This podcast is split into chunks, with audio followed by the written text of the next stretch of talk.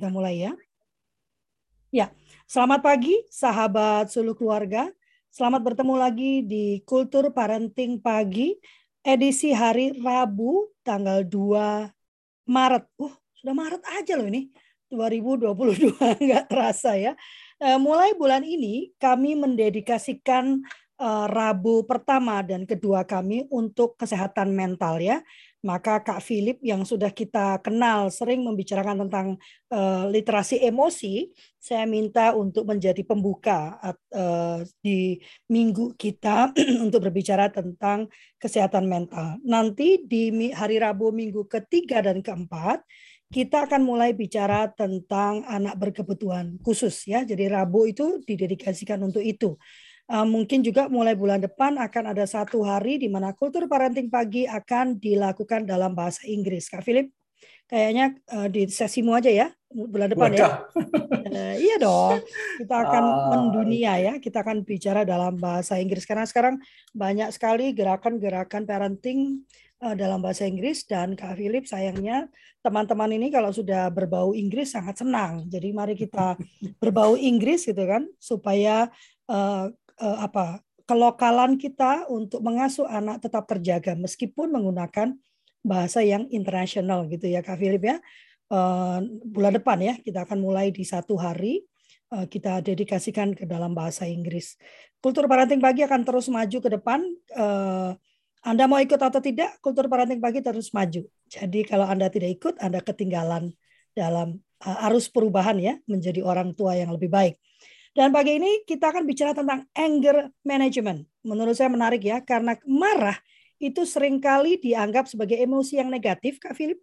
Sehingga marah itu diabaikan, bahkan dihapus di dalam kamus kehidupan kita.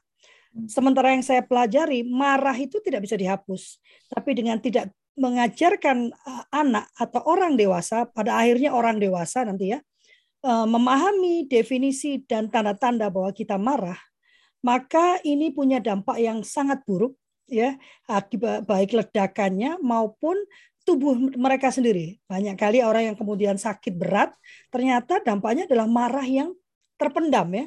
Eh, dipendam karena dia tidak tahu bahwa itu marah gitu ya atau eh, keluarannya lewat agresi yang juga disebabkan karena dia tidak tahu itu adalah marah. Eh, saya nggak akan banyak lagi bicara. Kak, uh, Kak Irwan katanya uh, memonitor tapi tidak buka cam karena ini bedanya habis ya Kak Irwan atau lipstiknya habis ya. Jadi nggak bisa pasang kamera. Silakan Kak Philip. Iya iya. Oke, uh, saya mulai dari mana nih? Saya mulai dari yang dikatakan Kak Lovely tadi ya.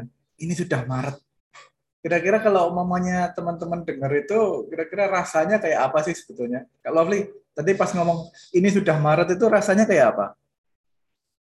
Gimana? Itu eh, rasa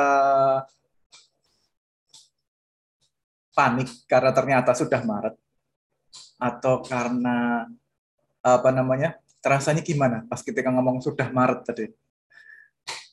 Ayo dong, kalau aku ya udah tahu Maret, sengaja lupa bulan kalau udah tahu itu kayaknya dikejar-kejar. Aduh, belum nyampe apa-apa ini. iya. Nah, itu salah satu bentuk dari marah ya sebetulnya ya. Itu frustasi. Jadi kok saya belum ngapa-ngapain, kok saya belum apa namanya? belum melakukan sesuatu yang berarti kok tahu sudah Maret aja. Itu kan ya. Seringkali muncul rasa seperti itu. Nah, dalam dalam kerangka perasaan sebetulnya itu eh, marah itu cuman kayak apinya gitu ya.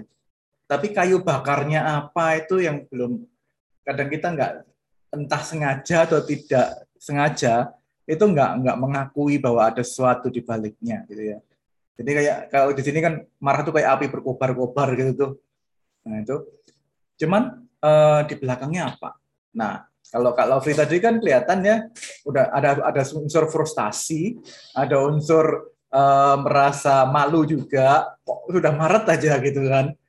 Terus apa? Tapi di baliknya apa? Ada keinginan besar untuk berkontribusi, untuk mencoba membuat berbuat sesuatu yang positif, sesuatu yang uh, berarti bagi banyak orang. Cuman rasanya kok dikejar-kejar waktu gitu kan. Nah itu ini kadang-kadang yang tidak pernah kita coba untuk lihat di baliknya. Dan ini berlaku untuk orang dewasa dan anak-anak ya. Eh, kadang-kadang kita ngelihat anak kecil kok gampang banget nangis sih. Kok gampang, gampang banget marah sih. Iya, coba aja jadi anak kecil ya. Wong badan lagi tumbuh. Terus kadang-kadang jalan aja kesangkut sama kakinya sendiri. Gimana nggak frustasi itu coba? Nah, dari frustasi itu terus jadi marah-marah. Ke mana-mana marah-marahnya memang nggak nggak terkendali. Cuman ya, tapi memang kondisinya sedang sedang frustasi gitu loh. Itu yang kadang-kadang kita nggak sadari. Kita ngelihatnya cuman dia marah, dah selesai titik. Itu itu jelek, titik gitu kan. Jadi nggak boleh marah. Padahal sebetulnya di baliknya itu ada persoalan yang lebih besar. Jadi ini uh, gejala, bukan penyakit, gitu ya. Ini gejala aja. Nah, itu yang perlu jelas dulu suatu di baliknya apa. Nah, anger management ini juga fokusnya memang di balik amarah itu apa? Urusannya apa sih sebetulnya? Gitu. Uh, jangan sampai ketika kita fokus pada marahnya kita lupa dengan hal di belakangnya tadi itu gitu. Oh, nggak terselesaikan malah jadinya. Entah sakit hatinya, entah takut, malu, tidak amannya, itu gimana. Ada anak yang apa namanya tahu-tahu ketika mengalami sesuatu yang kayaknya kecil buat kita gitu ya. Misalnya kehilangan penggaris. Terus uh, tahu-tahu dia sudah marahnya itu marah yang maksimal gitu teriak-teriak nggak karuan gitu. Ternyata setelah ditanyai ternyata itu adalah kebetulan ini anak anak yatim ya. Jadi uh, ibunya sedang meninggal. Terus uh, apa namanya? Ternyata penggaris itu adalah hadiah ulang tahun terakhir dari ibunya sebelum meninggal. Jadi itu memang benar-benar kenang-kenangan terakhir gitu ya. Nah itu uh, ketika dia kehilangan penggaris itu jadinya kan dia sangat frustasi kesal dan tapi juga ada rasa kehilangan yang besar karena sebetulnya yang dia hilang yang dia rasa kehilangan itu bukan masalah penggarisnya tapi ibunya dia. Sesuatu yang lebih besar dari itu. Nah ini yang kadang-kadang nggak kegarap gitu ya. Dalam entah itu di sekolah entah itu di rumah itu yang kadang-kadang nggak kegarap. Kita nggak mencoba melihat lebih dalam. Kayak lagunya Sherina itu lihatlah lebih dekat gitu ya. Itu itu Kak Lawley. Ini kira-kira ada ini enggak uh, pertanyaan enggak? Saya rasa susah kalau nggak ada kasusnya ini. Ayo, ada yang mau membagikan pengalamannya mungkin terkait marah. Cuman memang kita karena gitu ya kayak ya, ada anak kadang kita begini, Allah gitu aja kok udah ngamuk-ngamuk gitu kan.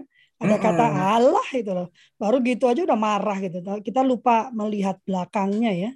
Teman-teman ada yang mau berbagi kasus dulu atau ke pengalaman sebelum Kak Kak uh, Philip melanjutkan uh, presentasinya? Ya, Kak Vivi silakan. Uh, ya, selamat pagi Kak Philip, Kak Lovely. Uh, problem marah ini memang terjadi hampir setiap hmm. hari, terutama anak saya yang kecil itu sering kali marah terhadap sesuatu pekerjaan atau hal yang dia tidak sukai. Pasti dia marah dulu. Hmm. Entah itu pokoknya marah yang diandalkan dulu. Ngamuk nggak karu-karuan sampai teriak-teriak ngomel-ngomel. Nanti saya paling bilangnya begini, sudah tenang dulu, tutup, nggak usah marah. Saya bilang gitu. Tapi marah-marah akhirnya mamanya ikut marah kan jadinya. Kan dia marah-marah. Ini yang paling susah karena memang dia ada sedikit kendala di diseleksi ya. Memang kontrol emosinya sangat kurang. Jadi memang uh, memang puji Tuhan perbaikan dari hari ke hari. Sekarang sudah lebih mendingan. Karena saya tidak mentolerir marahnya. Artinya kalau marah kamu jangan lakukan apa-apa. Karena saya tadi juga marah. Artinya begitu. Ya ini yang saya ingin kemarin sempat disampaikan juga bahwa apakah memang hal seperti ini itu solusinya itu bagaimana untuk mengendalikan rasa marah terutama pada hal yang dia tidak sukai. Jadi begitu sih untuk usianya 12 tahun SMP kelas 1 mohon hmm. saran untuk uh, karena memang makin ke depan makin ke belakang uh, marahnya emosinya makin parah sebetulnya sampai dia memang nggak melakukan apa-apa akhirnya diam stuck nggak mau ngerjakan apa pun hmm. ditinggal sudah hmm. gitu sih terima kasih mohon sarannya hmm. kira-kira kalau Kak Vivi lihat dia sebetulnya marah atau takut antara marah dan takut karena dia takut kegagalan jadi ah, okay. karena dia marah itu dia begini aku ini sudah nggak bisa kalau aku ngerjakan hmm. pasti bisa. Nanti kalau dan dia nggak mau gagal, ya repotnya ini marahnya mungkin terhadap diri sendiri karena dia pikir hasilku pasti jelek. Belum dia hmm. melakukan ini pasti nggak bisa. Ini pasti hmm. gini. Ya dipikirkan negatif aja. Nah ini yang agak susah saya me, apa membuat dia supaya positif thinking atau percaya pada kemampuan dirinya apa pun hasilnya itu sejelek apa pun apa dia harus terima. Terutama kemarin pernah kejadian juga waktu ulangan uh, bahasa Inggris hmm. dan dia nggak pernah remedi ya dia nggak hmm. pernah remedi uh, memang selama ini memang selalu saya support nah suatu kali saya nggak bantu mengerjakan soal itu karena saya pikir ulangan itu ya ulangan kamu harusnya kerjakan sendiri Nah dia remedi marahnya minta ampun itu komel sama saya sampai WA panjang banget. Mama nyalakan saya mama nggak mau bantu begini kan begini. Saya bilang ya itu hasilmu saya bilang gitu. Tapi memang nantinya prosesnya agak lama sih kak. Untuk bisa cooling down itu dia memang harus uh, tarik ke belakang dulu tuh lama banget. Cuma ini memang terus terang mengganggu saya dan dia sendiri saya rasa karena intinya benar kak Fili takut akan kegagalan. Makanya itu sih itu. Kak Vivi tadi menyebut satu kata kunci loh. Uh, mengganggu diri saya juga Iya. Jadi, jadi persoalannya persoalannya bukan di anaknya sebetulnya. Anaknya sih anaknya sih melampiaskan semuanya karena dia perlu melampiaskan dulu ya. Dia perlu mengeluarkan dulu. Cuman masalahnya ketika proses mengeluarkan itu mengganggu orang lain apa enggak gitu aja.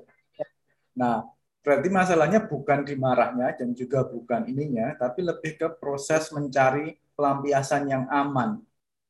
Gitu, Pak. Yeah. Nah, dan dan dalam prosesnya orang di sekitarnya juga harus dipastikan nggak terganggu gitu ya. Atau namanya nggak merasa bahwa itu suatu proses yang menyebalkan gitu ya. Misalnya yang yang serumah gitu kan terpaksa harus ikut dengerin teriak-teriaknya dia atau segala macam itu eh, ya udah. Ya mungkin di, perlu disediakan tempat aman ya kak ya. Kalau 12 tahun ya 12 tahun tuh cowok atau cewek Cowok. Cowok. Ya. Berarti pasang sansak aja di rumah, Pak. iya. Mungkin apa ya, kan dia suka skipping. Jadi mungkin kalau marah oh. saya suruh skipping begitu ya, jangan sampai uh, uh. dia memang begitu ya. Iya. Uh, uh, proses frustasi, apalagi frustasi. Frustasi akan uh, ketakutan akan rasa gagalnya dia tuh kan. Sebetulnya kan cuma rasa gagal ya, belum tentu dia gagal beneran gitu loh. Iya, iya. Uh, itu perlu dikeluarkan, nggak apa-apa, cari dibikinkan tempat aman memang. Terus supaya dia bisa mengeluarkan itu semua, terus sudah selesai, baru kita ngomong tentang solusinya. Soalnya kalau kita ngomong ketika pas lagi tinggi-tingginya, nggak bakal denger dia. Enggak, gitu. itu memang seperti itu. Kemarin waktu tes psikologi juga, makanya dia setiap kali menghadapi sesuatu yang baru dan hmm. dia nggak tahu ke mana, masih ngamuknya duluan. Saya bilang, mungkin ya benar Kak Fili katakan yang kontornya dari saya sendiri saya harusnya dalam tanda kutip mengabaikan rasa marahnya. Sudah nggak usah dipedulikan nanti kan dia kuling ya cuma ini saya yang memang agak susah untuk karena saya sendiri juga orangnya temperamental. Jadi begitu dia marah saya pasti ikut marah. Oh ya udah skipping bareng aja kak Iya, artinya dalam saat yang sama Kak Vivi juga memberikan contoh bagaimana melampiaskan rasa marah yang oh, melampiaskan, mengeluarkan, mengeluarkan rasa marah secara aman gitu loh. Nah, iya. Uh, ya. Aku suka kata itu melampiaskan marah secara aman. Uh, uh. Nah, ini. Jadi uh, kalau perlu kalau perlu skipping bareng ya dilakoni aja. kurus dong aku. ya ya, istilahnya memang seperti Kak Philip kata kuncinya adalah melampiaskan rasa marah dengan aman. Jadi uh-uh. artinya tidak mungkin saya memang bertahap uh, ke belakang memang masih proses karena memang ini ternyata saya juga kaget karena merasa hmm. marah ini memunculkan secara besar-besaran itu dalam proses karena PJJ ini juga mungkin pengaruh ya. Jadi ya, uh, bawa ke rumah semua ya. Pasti pengaruh karena kalau dulu tuh saya rasa pernah PTM sebentar itu dia nggak semarah ini. Artinya kalau dia pas menghadapi masalah itu mungkin dia bisa sharing dengan temennya, dia hmm. bisa tanya punya. Artinya di sini kan dia nggak ada yang tempat untuk bertanya. Nah, hmm. yang ditanya saya ini juga nggak ngerti. Akhirnya dia marah-marah sama saya. Um, maksudnya harapannya sebegitu. Terima kasih. Hmm. Solusinya berarti harus marah-marah bareng-bareng dengan rasa aman. Iya, dengan situasi aman. Maksudnya ya, nanti Kak Deli suruh bicara juga tuh Kak Deli itu juga masalahnya dengan ini frustrasi. Kak Ima iya. tadi udah mengangkat tangan? Terima kasih. Terima kasih Kak Vivi. Sama. Kak Ima? Sound check Kak Lovely. Sound check. Selamat pagi Kak Lovely, Kak Philip. Pagi. Thank you. Tadi idenya oke okay banget tuh yang skipping bareng. Uh, masalahnya kita ibu-ibu juga kadang suka emosi. Jadi kita emosinya bareng. Jadi anaknya nangis, uh, ibunya juga nangis. Itu yang terjadi sama saya sih. Jadi proses pembelajaran itu yang harusnya menyenangkan, jadi nangis bareng. Pertanyaan saya satu, uh, cara pelampiasannya uh, saya nggak nggak ngebayangin sih saya skipping di tengah-tengah zoom meeting. Tapi aku mengajarkan anak saya itu kalau weekend itu harus teriak-teriak harus main-main lari-lari nangkep bola sprint kayak gitu. Jadi uh, ada waktu di mana dia melampiasin emosinya. Tapi walaupun waktu itu kita lagi nggak ngomongin pelajaran ya itu oke okay nggak sih Kak Philip? Apa itu nyelesain yang pas permasalahan kita yang pas Zoom meeting itu? Jadi setiap hari itu pas Zoom meeting itu selalu nangis dia karena dia nggak bisa fokus. Anak saya masih enam tahun, jadi kalau Zoom meeting itu nggak bisa fokus ngelihat layar, terus misalnya gurunya itu udah nomor 10, dia masih nomor satu. Dan itu konstan saya saya pantau terus, jadi nggak bisa ditinggal. Mohon advice-nya. Thank you, Kak Philip. Hmm. Berarti anaknya bukan tipe visual ya, dia di tipe kinestetik ini. Anak yang suka bergerak, belajar dengan bergerak maksudnya. Uh, iya ya, gerak terus. Hmm, betul-betul nggak bisa ini kan ya. Kalau mamanya dikasih, sebentar. Kalau dia melihat sesuatu, dia nggak bisa menirukan. Tapi kalau dia diajari melakukan sesuatu, dia bisa melakukan dengan meniru. Uh, gitu, saya kan? Saya nggak bisa jawab uh, karena gini, hmm. saya nggak bisa jawab pertanyaan Kak Philip. Dia tuh kayak gini loh, uh, nggak fokus. Jadi kalau anak-anak kita membutuhkan katakanlah 30 detik untuk menjelaskan, anak saya itu butuh kira-kira semenit atau dua menit diulang-ulang baru dia ngeh. Oke, berarti dia non non non apa namanya non auditory. Mhm. Dia nggak bisa mendengarkan petunjuk dengan baik, tapi kalau dikasih contoh mungkin bisa. Dia pernah dia ikut nari nggak? Nari atau kegiatan fisik lainnya? Uh, enggak sih sayangnya. Kayak misalnya bikin origami gitu ya. Hmm. Kan aku kan eh, buka YouTube origaminya jebret, tak buka gede gitu. Hmm. Itu eh, masih saya pandu untuk anak enam tahun ya. Hmm. Jadi kan itu kalau YouTube kan ada suara, ada gambar dan origaminya itu kan gede. Nah mestinya anak seusia dia kan mestinya harus nggak saya bukan harus bisa sih, at least ngeh gitu loh dikit. Hmm. Nah itu tipe apa? Kalau saya melihatnya itu lebih ke kinestetik sih dia ya. Uh -uh. Jadi kalau dia melakukan sesuatu dengan contoh, dengan misalnya gerakan besar ini gerak, uh, motorik kasar ya, motorik kasarnya lumayan kuat gitu biasanya. Ke gerakannya cenderung besar dan keras nggak? Iya kayaknya. Ah iya, kinestetik motorik kasar gitu. Hmm. Oke, berarti uh, memang itu bagi dia sangat bikin frustasi kalau disuruh duduk dan mendengarkan. Hmm. Itu stres berat itu anak yang kayak gitu. Jadi memang bukan tipenya dia. Boleh angkat tangan nggak? aku yeah. angkat tangan tapi nggak om cam, nggak tahu om cam pun bisa nggak ya? Oh, bisa. Iya, aku banget. iya, itu. Uh, memang ada orang yang belajarnya seperti itu dan ketika mereka dipaksa belajar tipe lain, uh itu luar biasa frustasinya. Aku ada temen, dia dosen loh ya padahal ya. Dosen, uh, dosen di UIN Bandung. Nggak bisa kalau disuruh duduk diam dalam ruangan, dia pasti harus keluar, rokok atau apa pun, pokoknya bergerak dulu. Jadi sepanjang pelatihanku tuh dia ada ada ngomong dari depan, saya nggak akan bisa diam. Jadi pasti saya bergerak. Ya, benar dia bergerak terus. Tapi dengan begitu dia bisa nangkap, dia tulisan filsafat. Eh. Coba bayangin. nah, tapi memang harus dengan cara tertentu nangkapnya. Nah itu yang kadang bikin frustasi ketika pada mereka dicobakan metode yang nggak cocok sama metode belajarnya gitu loh. Nah itu iya frustasi, marah segala macam. Lagi-lagi karena masalah nggak nggak pengen gagal. Apalagi kalau udah dia kinestetik, anaknya rada perfeksionis gitu. Iya, sebel banget itu anaknya udah. Gitu.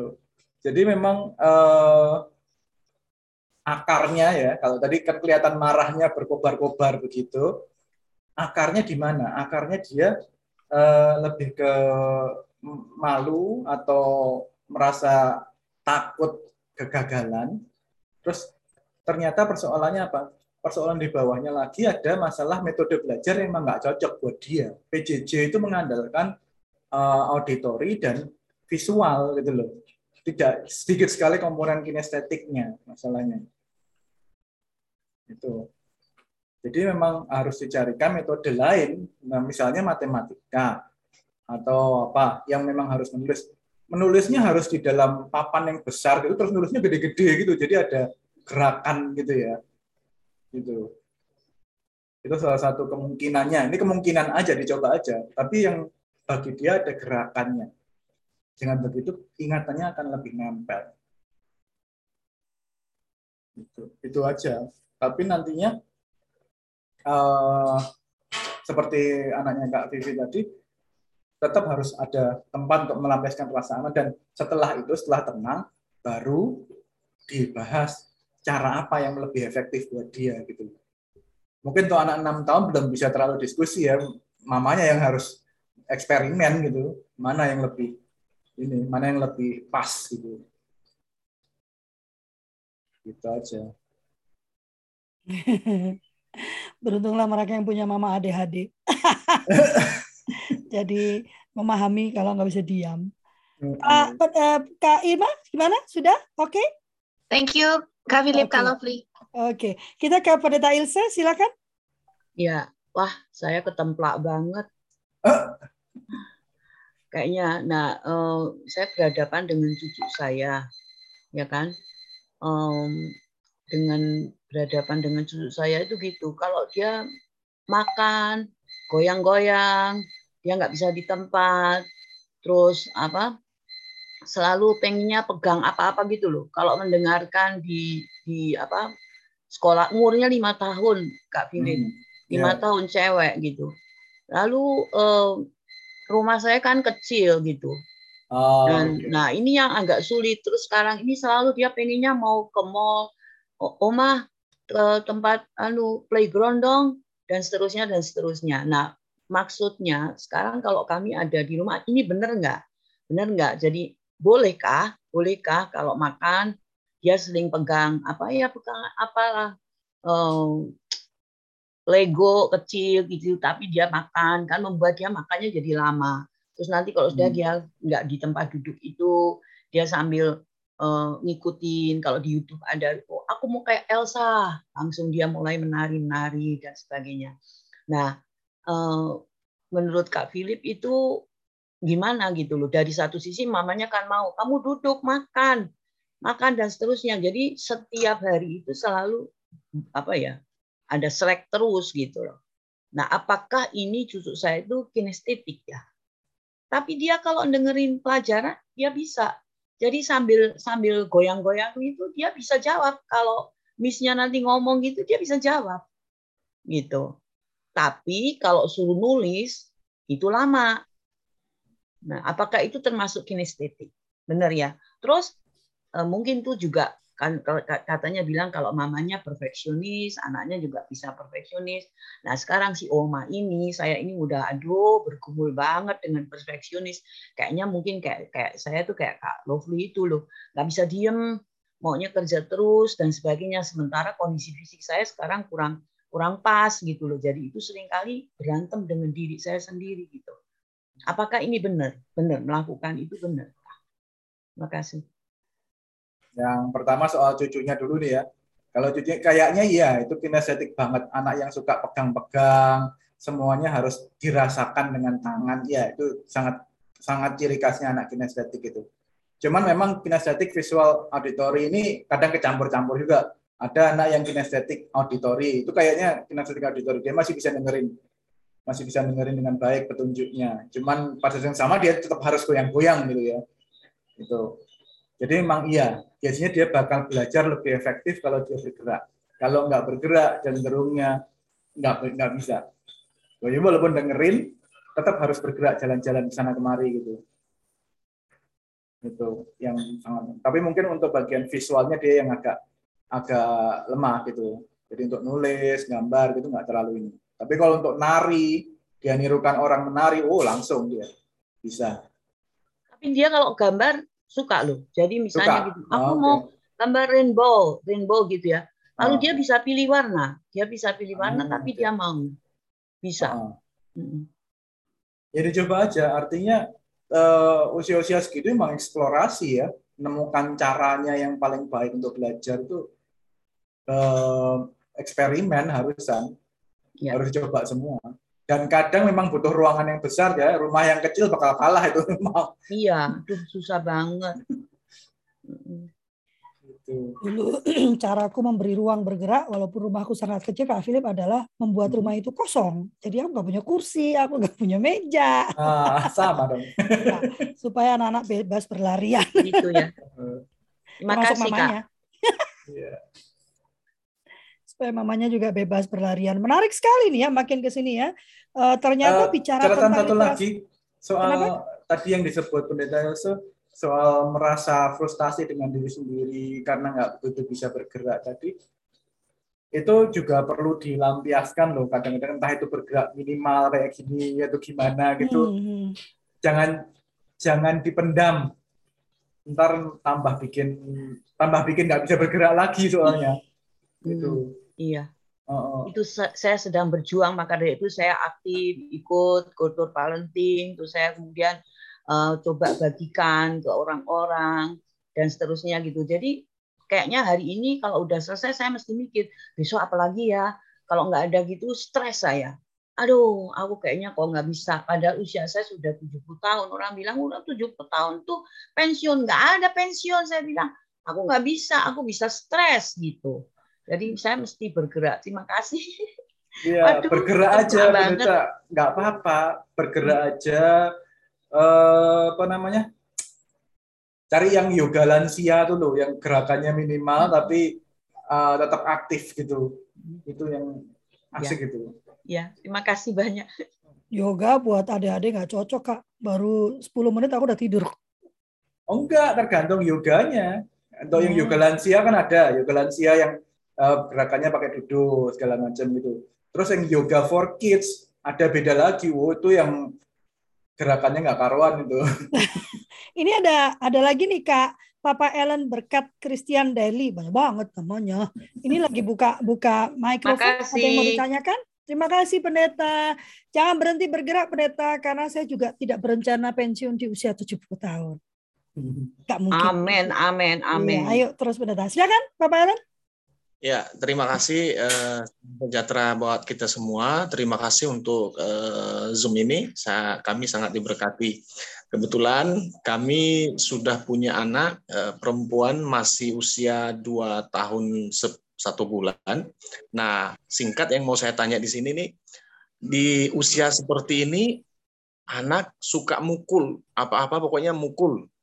Tapi dia sih nggak terlalu nggak ada ekspresi marah tidak-tidak enggak pokoknya mukul aja apakah itu eh, termasuk ma, eh, apa efek marah-marah atau memang ada sesuatu yang mempengaruhi perkembangannya di usia ini itu aja Dua tahun, berapa bulan? satu bulan Dua tahun satu bulan. apa itu Oh iya. marah-marah apa gimana suka Bukan. mukul lebih ke eksperimen dunia sekitar.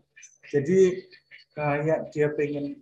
Jadi kalau umpamanya dia main sama ayam, cute, cute, terus sampai dipegang sampai mati ayamnya. Serius itu. Eh, karena dia sedang mencoba untuk me- melihat eh, batasan dunia sekitarnya itu kayak apa. Memang perlu diawasi ya untuk itu ya supaya nggak mencelakakan yang lain. Cuman bahwa itu normal itu aja. Ya mungkin yang pada dua tahun itu biasanya apa sih mainannya teddy bear biasanya ya. Teddy bear yang teddy bear yang fluffy gitu loh, yang yang uh, kalau dipegang tuh terasa banget di tangan. Jadi memang betul uh, sentuhan yang dicari di situ sering-sering aja dipijat, di dipegang, dipeluk, dipijat yang itu sentuhan karena dia sedang mencari sentuhan di situ. Oh. Bukan makanya kan tadi dibilang kalaupun dia mukul-mukul dia nggak nggak kelihatan marah gitu kan. Iya memang. Ya memang itu sedang sedang mencoba mengeksplorasi dunianya. Ayo Papa Ellen ikut pelatihan suluh keluarga. Oh langsung hmm. ada suluh muda itu tujuh uh, modul 175 ribu. Nanti Papa Ellen akan belajar dasar-dasarnya. Dari suluh hmm. muda baru bisa masuk ke suluh madya. Nah suluh madya ini yang keren 16 modul Nanti Papa Ellen akan belajar benar-benar tentang motorik kasar itu seperti apa, motorik halus itu seperti apa, lalu apa sosial emosinya bagaimana, perkembangan bahasanya bagaimana, sehingga kita bisa menemani anak-anak kita benar-benar menjadi potensi terbaiknya gitu ya. Zaman sekarang itu benar-benar kita harus pakai ilmu ya. Tuhan sudah sediakan kita ilmu kita harus pakai ilmu kita untuk membuat anak. Silakan itu mau makan atau mau apa itu Enggak, ngeliatin aja. Kalau anak-anak segitu emang mainannya bola, bola yang ada, kalau ada yang ada tonjolan-tonjolannya itu yang agak hmm. kayak bola untuk apa refleksi itu ya. Iya, nah, sensori. Sensori. Jadi semua model sensori harus dimainkan. Entah itu ini bola yang bisa dikremes-remes kayak gini atau uh, bola yang ada benjol-benjolnya tadi kan terasa banget di tangan tuh. Nah itu mainan-mainannya seperti itu. Squishy, squishy. Squishy. baik, baik. Terima kasih, terima kasih. Semangat, Ailan. Siapa sih Pak Berkat ya? Iya. Ini teman satu gereja. Oh, terus kata oh. Kak Philip, kamu teman satu gereja, namanya juga gak tahu katanya. Ada lagi kah yang mau bertanya? Atau Kak Philip mau melanjutkan? Uh, ya, satu lagi tentang pemetaan nah, pemetaan emosinya itu ya. Uh, sebentar siap screen dulu. Kalau yang ikut acara saya yang apa literasi emosi pasti udah tahu gambar ini ya. Memetakan di mana rasa itu terasa gitu ya. Kelihatan ya nih peta peta rasa di mana aja ini. Ya, itu yang merah itu cenderung panas biru itu cenderung dingin. Nah biasanya kalau umpamanya orang marah itu biasanya fokusnya di daerah kepala sampai uh, pundak sampai setengah torso gitu sampai tangan-tangan juga. Tapi variasi munculnya rasanya seperti apa itu beda-beda tiap orang. Ada yang pundaknya sini terasa tegang jadi dari pundak sampai leher. Terus ada yang merasa ke, mukanya panas mungkin ya atau tangannya jadi terasa panas gitu. Nah variasinya beda di tiap orang. Ini ini peta rata-ratanya gitu. Kemampuan untuk mengenali rasa yang sedang muncul ini juga krusial di orang tua sendiri. Jadi misalnya anaknya marah, jangan sampai saya sendiri jadi ikut marah gitu loh, kepancing marah istilahnya. Jadi eh, bukan bukannya malah nambahi perkara dengan nambah marah ya. Terus yang paling paling ruwet itu adalah ketika anaknya marah, ibunya ibunya atau bapaknya marah, terus bapaknya atau ibunya merasa marah pada dirinya sendiri karena sudah marah sama anaknya. Nah, itu paling ruwet itu. Karena nanti terus jadi ngelup, berulang berulang terus rasa marah ini berulang karena oh saya tadi marah, kenapa saya tadi marah, bodoh banget itu. Nah, gitu kan suara di dalam dirinya bakal bunyi kayak gitu. Itu itu yang perlu dihentikan gitu loh. Dipotong dulu. Karena kita yang bisa kontrol kan yang dalam diri kita tuh. Jadi itu dulu yang dipotong potong loopingnya itu. Istilahnya kalau di dalam dalam ilmu komputer kan uh, programming loop gitu ya. Jadi, jadi keluarnya itu itu aja gitu terus. itu yang harus dipotong dengan cara dilampiaskan tadi itu di tempat aman. Nah, itu aja catatan tambahan dari saya. Iya, Kak Vivi ya. Ngelup marahnya ya.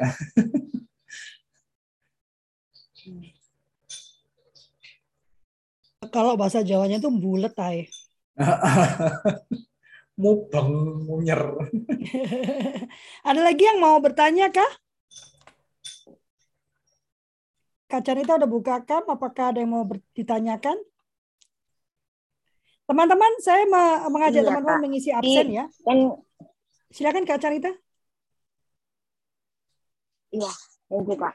Uh, tadi Kak Fili mau tanya, kalau misalnya respon marahnya itu kita sudah bisa detect seperti dia rasa malu, ada minder, ada apa merasa tidak mampu gitu itu uh, gimana? Karena nih um, ya anak saya nomor dua sih. Jadi kemarin berapa berapa waktu kemarin ini dia sempat meresponnya seperti itu. Padahal sebenarnya cuma ditanya tapi langsung suaranya keras gitu itu sih sebenarnya uh, untuk recovery-nya maksudnya uh, diberikan ruang juga sama dengan anak yang memang lagi tadi marah, kecewa atau apa gitu atau bagaimana Kak? Iya, itu gitu, defensif itu. Itu lebih dekat ke defensif. Berarti sebelumnya sudah ada persoalan. Oh, Jadi uh, kayak dia merasa bahwa apa yang ditanyakan kepada dia adalah bagian awal dari serangan kepada dia gitu loh. Dia udah hmm. merasa oh ini pasti nanti bakal ditanyain lagi, bakal dipertanyakan lagi. Uh, habis ini pasti disalahin lagi sama mami ya gitu loh. Jadi udah udah de main defensif dia. Oke. Okay. Jadi uh, iya, iya. perlu dibahasnya uh, di pola-pola pola-pola sebelumnya, bukan bukan bukan saat itu terjadi gitu ya. Gitu. Oh, oke. Okay. Jadi dilihat latar belakang kejadiannya itu atau kejadian pola waktu dia pernah seperti itu terus saya mungkin karena nggak ngerti terus saya melakukan kesalahan merespon atau bagaimana tuh kak? Lebih ke gimana ya? Ini sebelumnya dia pernah melakukan hal yang kurang lebih sama. Ya. Terus pada saat itu mungkin Bu Janita eh, menyalahkan, gitu ya, menyalahkan atau marah-marah. Nah dia dia udah takut duluan itu sebetulnya. Oke. Okay. Dia udah takut duluan bakal bakal terulang lagi gitu loh. Oke oke oke oke siap siap. Jadi apa harus di apa di apa untuk recovery-nya apakah diberikan ruang dulu dikasih di, seperti maksudnya di, ya apa tapi bahasanya kalau Pak apa Kak Philip bilang lampiasan aman gitu. nah, masalahnya itu tadi kan spesifik ke Kak Vivi ya karena memang orangnya ya. ekspresif. Nah, mm. kalau anaknya Kak Canita tipenya kayak apa? Apakah lebih ekspresif ataukah cenderung depresif? Cenderung uh, gimana? Kalau yang kedua, anak saya yang kedua ini lebih diam sih, lebih diam, jadi lebih nyimpen dia gitu. Baru hmm. saya uh, saat kalau misalnya apa saya lihat dulu, saya ngomong gitu, terus nanti uh, waktu itu jangan saya bilang kok kenapa jadi begini ya saya diam. Emang saya habis kasih waktu berapa saat baru saya panggil saya ajak ngobrol. Entah saya ajak makan, sambil makan es krim bareng atau apa atau apalah gitu. Pokoknya baru itu saya ajak ngomong ada apa? Baru deh keluar. Gitu. Oke. Nah. tapi jangan lama-lama. Kalau oh, anak gitu. depresif kalau kelamaan dibiarin uh, ntar malah tambah jadi ngelup lagi dia menyalahkan diri sendiri. Iya iya iya memang yang tengah beda dari tiga ah Iya. Iya. iya iya. Oke kak, thank you banget, thank you. Biasa, oh sorry, jarak waktunya kira-kira lamanya berapa lama gitu? Maksudnya aku sih nggak nyampe malam, banget paling nggak nggak nyampe malam sih gitu, nggak nyampe malam ya, pagi betul. jadinya. Gitu. Jangan sampai melewati hari gitu aja. Ah oke, okay. siap.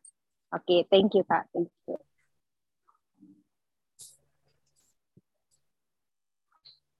Thank you Kak Lovely. Terima kasih Kak Canita. Makin menarik ya. Ada lagi yang mau bertanya kah, teman-teman? Eh, terkait dengan permasalahan anger management dengan anak-anaknya. Eh, Kak Joan, ini ada banyak loh hari ini apa 30 tadi loh. Kak Desi, Kak Sri Lestari, Kak Sofyan, eh, Kak Fatima, Pak Irwan ada yang mau disampaikan? Terima kasih, ya, Terima kasih Kak Philips ya eh, menarik memang. Eh, hanya kalau boleh sih memang ada ada untuk melengkapi yang sudah hampir lengkap tadi gitu kan. Ada ada bahasan-bahasan menurut saya ya eh, dari dari teman-teman kita yang dokter yang neuroscience gitu ya. Kenapa? Karena memang secara kan kita kan, kan kalau saya juga sama dengan background psikologi kan banyak mendekatinya dengan behavior science gitu ya. Jadi eh, termasuk di militer. Kalau di militer kan saya selalu mengatakan tuh halte tuh pada kondisi hungry, angry, lonely, tired, euforia, hati-hati ngambil keputusan gitu. Tetapi kalau kita di militer justru kita dilatih untuk dalam kondisi itu bisa mengambil keputusan.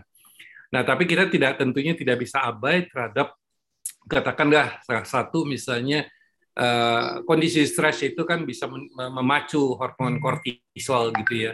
Nah, pada saat pada saat itu yang uh, dia tidak terkendali, itu proses yang di amigdala yang harusnya harusnya uh, untuk di, untuk pembelajaran, tapi pembelajari sesuatu yang salah. Jadi marah itu malah dipelajari gitu yang sebagai suatu penyelesaian suatu masalah itu kan mungkin tidak tidak baik.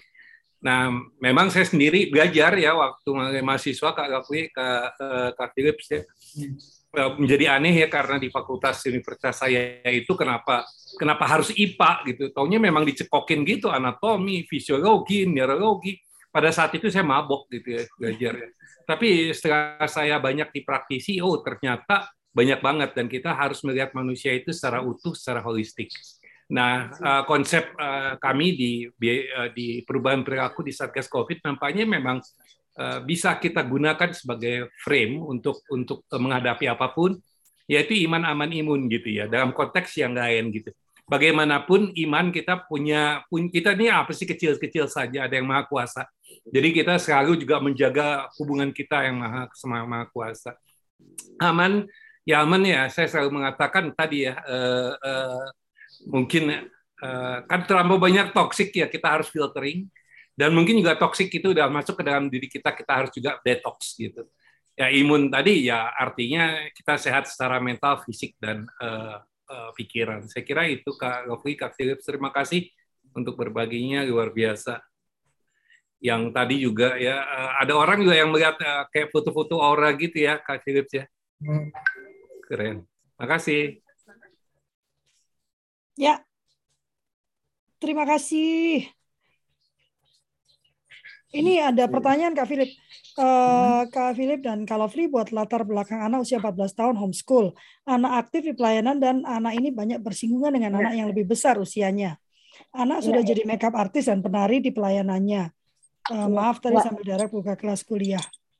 Maaf ini kalau yang tadi ya, yang bermasalah yang tadi Cani, ya? uh, yang Cani menjelaskan anak Cani yang nomor dua itu oh. tadi latar belakangnya anak ini. Jadi dia banyak bersinggungannya sama anak usia di atasnya dia. Jadi itu yang uh, menekan dia gitu. Ya, setelah saya cari tahu itu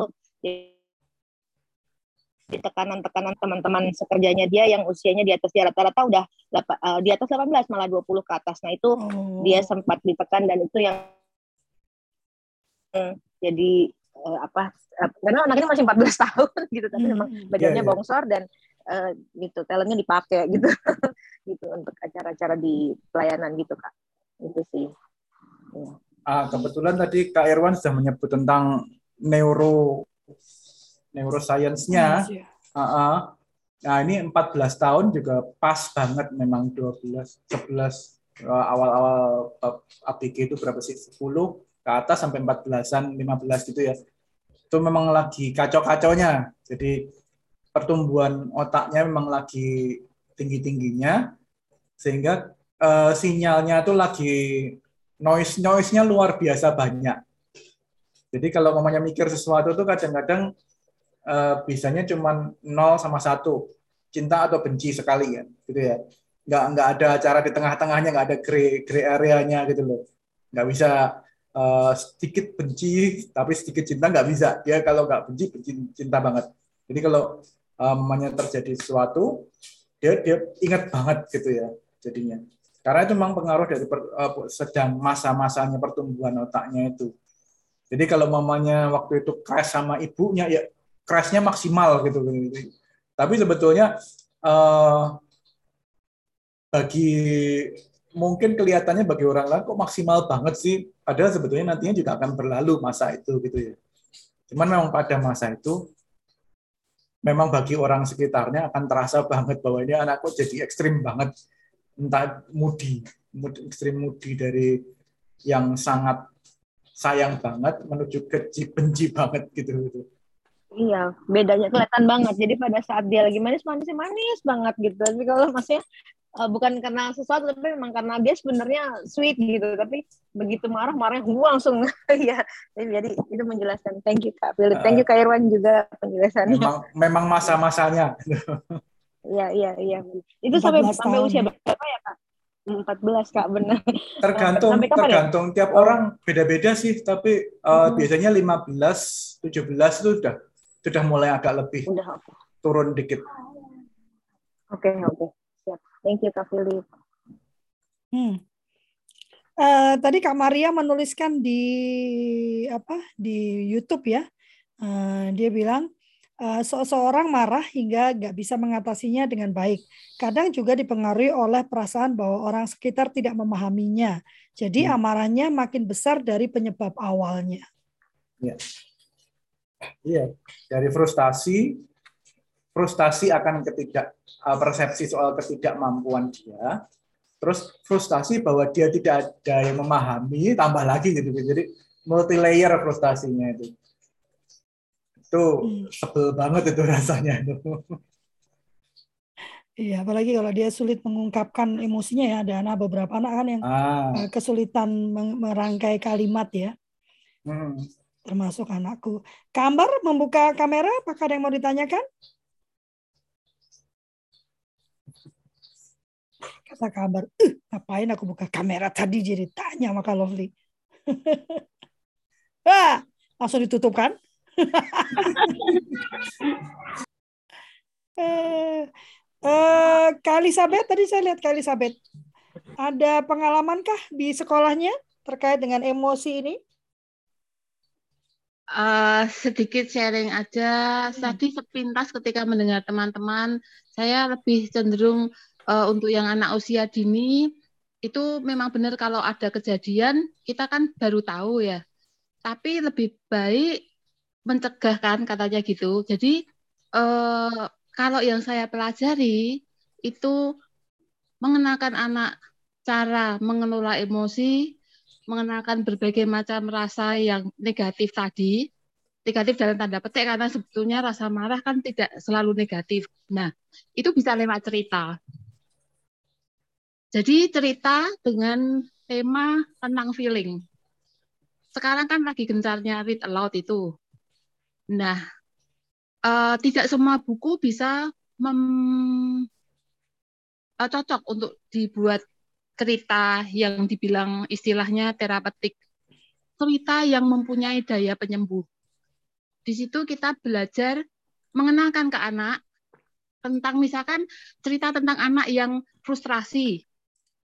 Dia melakukan sesuatu tapi gagal terus, gagal terus. Nah, ketika cerita itu berlangsung, kita kan mesti ada interaksi dengan anak. Nah, di situ kita menggalinya lebih ke arah soft end-nya boleh sekali tempo nyimpang bukan nyimpang nyimpang dalam tanda petik ketika kan ketika kita cerita anak-anak mesti kan biasanya ya kalau apalagi dengan mamanya sendiri dia terbuka dia kan uh, bereaksi kan bertanya menyeletuk berkomentar nah kita terima itu jadi poinnya tidak harus menceritakan uh, sampai selesai tapi interaksi dengan anak dan kita sebagai guru atau orang tua itu lebih giringnya ke sos nya yang dibahas Nah, kalau kamu misalkan begitu, berarti bagaimana? Nah, kami diajarkan untuk misalkan ada namanya tenda tenda penenang ya.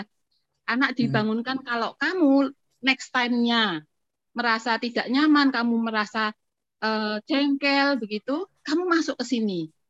Nah, di tendanya ada barang-barang yang membuat dia nyaman, misalkan begitu. Atau kamu diajar, uh, anak diajari untuk kayak self-soothing, menenangkan diri, tarik nafas, misalkan gitu. Tapi itu kembali lagi loh, itu proses. Jadi pengenalan dulu. Kan tahapannya itu mengenal dulu, tahu dulu. Nanti terus praktek. Gitu loh. kalau tadi kan uh, yang uh, kak siapa tadi Ima ya itu nggak apa-apa. Ketika menghadapi oh, ternyata anakku gini. Tapi berarti sekarang kita melangkah mundur untuk pencegahan dengan uh, cerita seperti itu misalkan gitu loh kak. Tapi yang diceritakan yang disampaikan teman-teman termasuk kak Philip uh, kak Arum itu memang benar karena memang dalam kehidupan kita itu ada macam-macam emosi. Begitu. Sedikit sharing. Terima kasih terima hmm. kasih. Tadi kak siapa? Elizabeth. Kak Elizabeth. Ya itu metode-metode yang istilahnya investasi awal ya.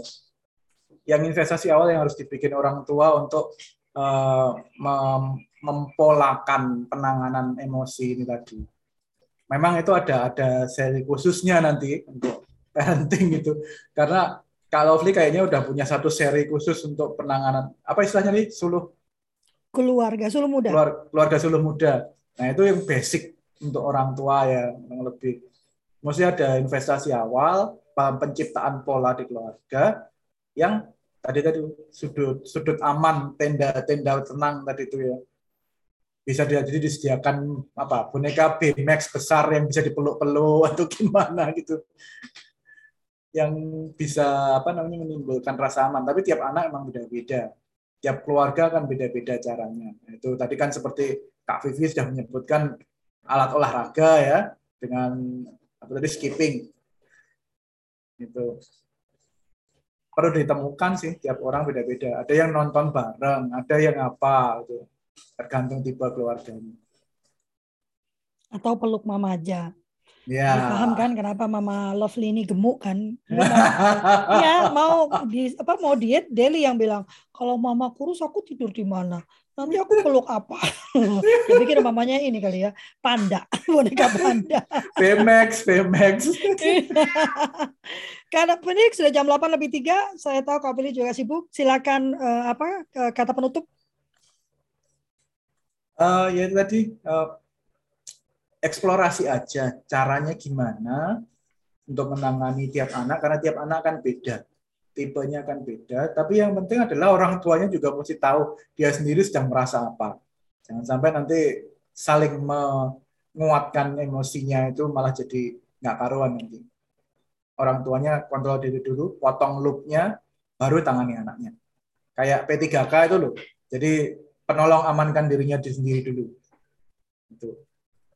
Itu aja dari saya. Hmm. Terima kasih. Wah, tadi mencapai 30 orang, tapi kan udah masuk jam 8 berkurang Kak Philips ya. Yeah. Uh, kita memang berharap teman-teman hadir jam 7 pagi tepat sehingga diskusi kita itu bisa uh, selesai sampai jam 8 ya Kak Philip ya, nggak panas di belakang gitu. Akhirnya kita nggak dapat yang paling pentingnya ya. Kembali saya mengajak teman-teman bergabung dalam Suluh Keluarga, komunitas belajar parenting ya. Dengan 150 ribu per tahun, Anda mendapatkan 12 kali pertemuan per bulan. Kalau 8 kali pertemuan diikuti, maka Anda mendapatkan sertifikat uh, atas uh, bulanan ya, parenting bulanan. Dan juga seperti kita mengadakan pelatihan uh, apa uh, disleksia ya ada uh, tiga tiga apa tiga topik enam hari ber, uh, setiap Jumat Sabtu uh, Anda mendapatkan diskon 20% untuk biayanya. Jadi Kak Philip nanti kalau kita mengadakan pelatihan Kak Philip yang kemarin kita bicarakan ya, uh, itu nanti untuk anggota ada diskon 20% ya. Uh, dan uh, dan itu uh, tiap tahun kami akan menyelenggarakan pelatihan-pelatihan ya, paling tidak satu pelatihan. Kalau pelatihan Kak Philip hanya makan waktu satu minggu atau dua kali pertemuan, maka di minggu ketiga keempat akan ada pelatihan lagi ya. Saya berusaha keras menyediakan banyak pelatihan dan juga topik-topik ya. Uh, dan saya berusaha keras supaya pembicaranya jangan saya gitu supaya ini bukan tentang lovely kultur parenting ini bukan tentang lovely ini tentang kita berbagi uh, kebisaan kita menjadi parents dan sama-sama bergerak menjadi orang tua yang lebih baik buat anak-anak kita. Terima kasih banyak kak Philip. Kita berfoto dulu ya. Um, harusnya kak Deli bercerita bagaimana dia uh, mengatasi rasa marahnya ya karena Kak Deli berkembang sangat iya, banyak. Itu Kak Deli. Iya, cuman yang saya paling pelajari dari Deli adalah anak-anak yang punya masalah dengan emosinya Kak Philip, memang sebaiknya lebih diajarkan pada eh, pekerjaan yang mandiri. Ya, pekerjaan yang mandiri di mana dia bisa mengolah uh, situasi dan kondisinya. Kak, berarti nanti dia nggak tough. Ya enggak, itu kan kita ya. Hidup kita tuh serba keterpaksaan. Nggak seneng sebetulnya ngantor, tapi terpaksa ngantor gitu ya Kak Philip ya. Nggak seneng sebetulnya bangun pagi, tapi terpaksa bangun pagi.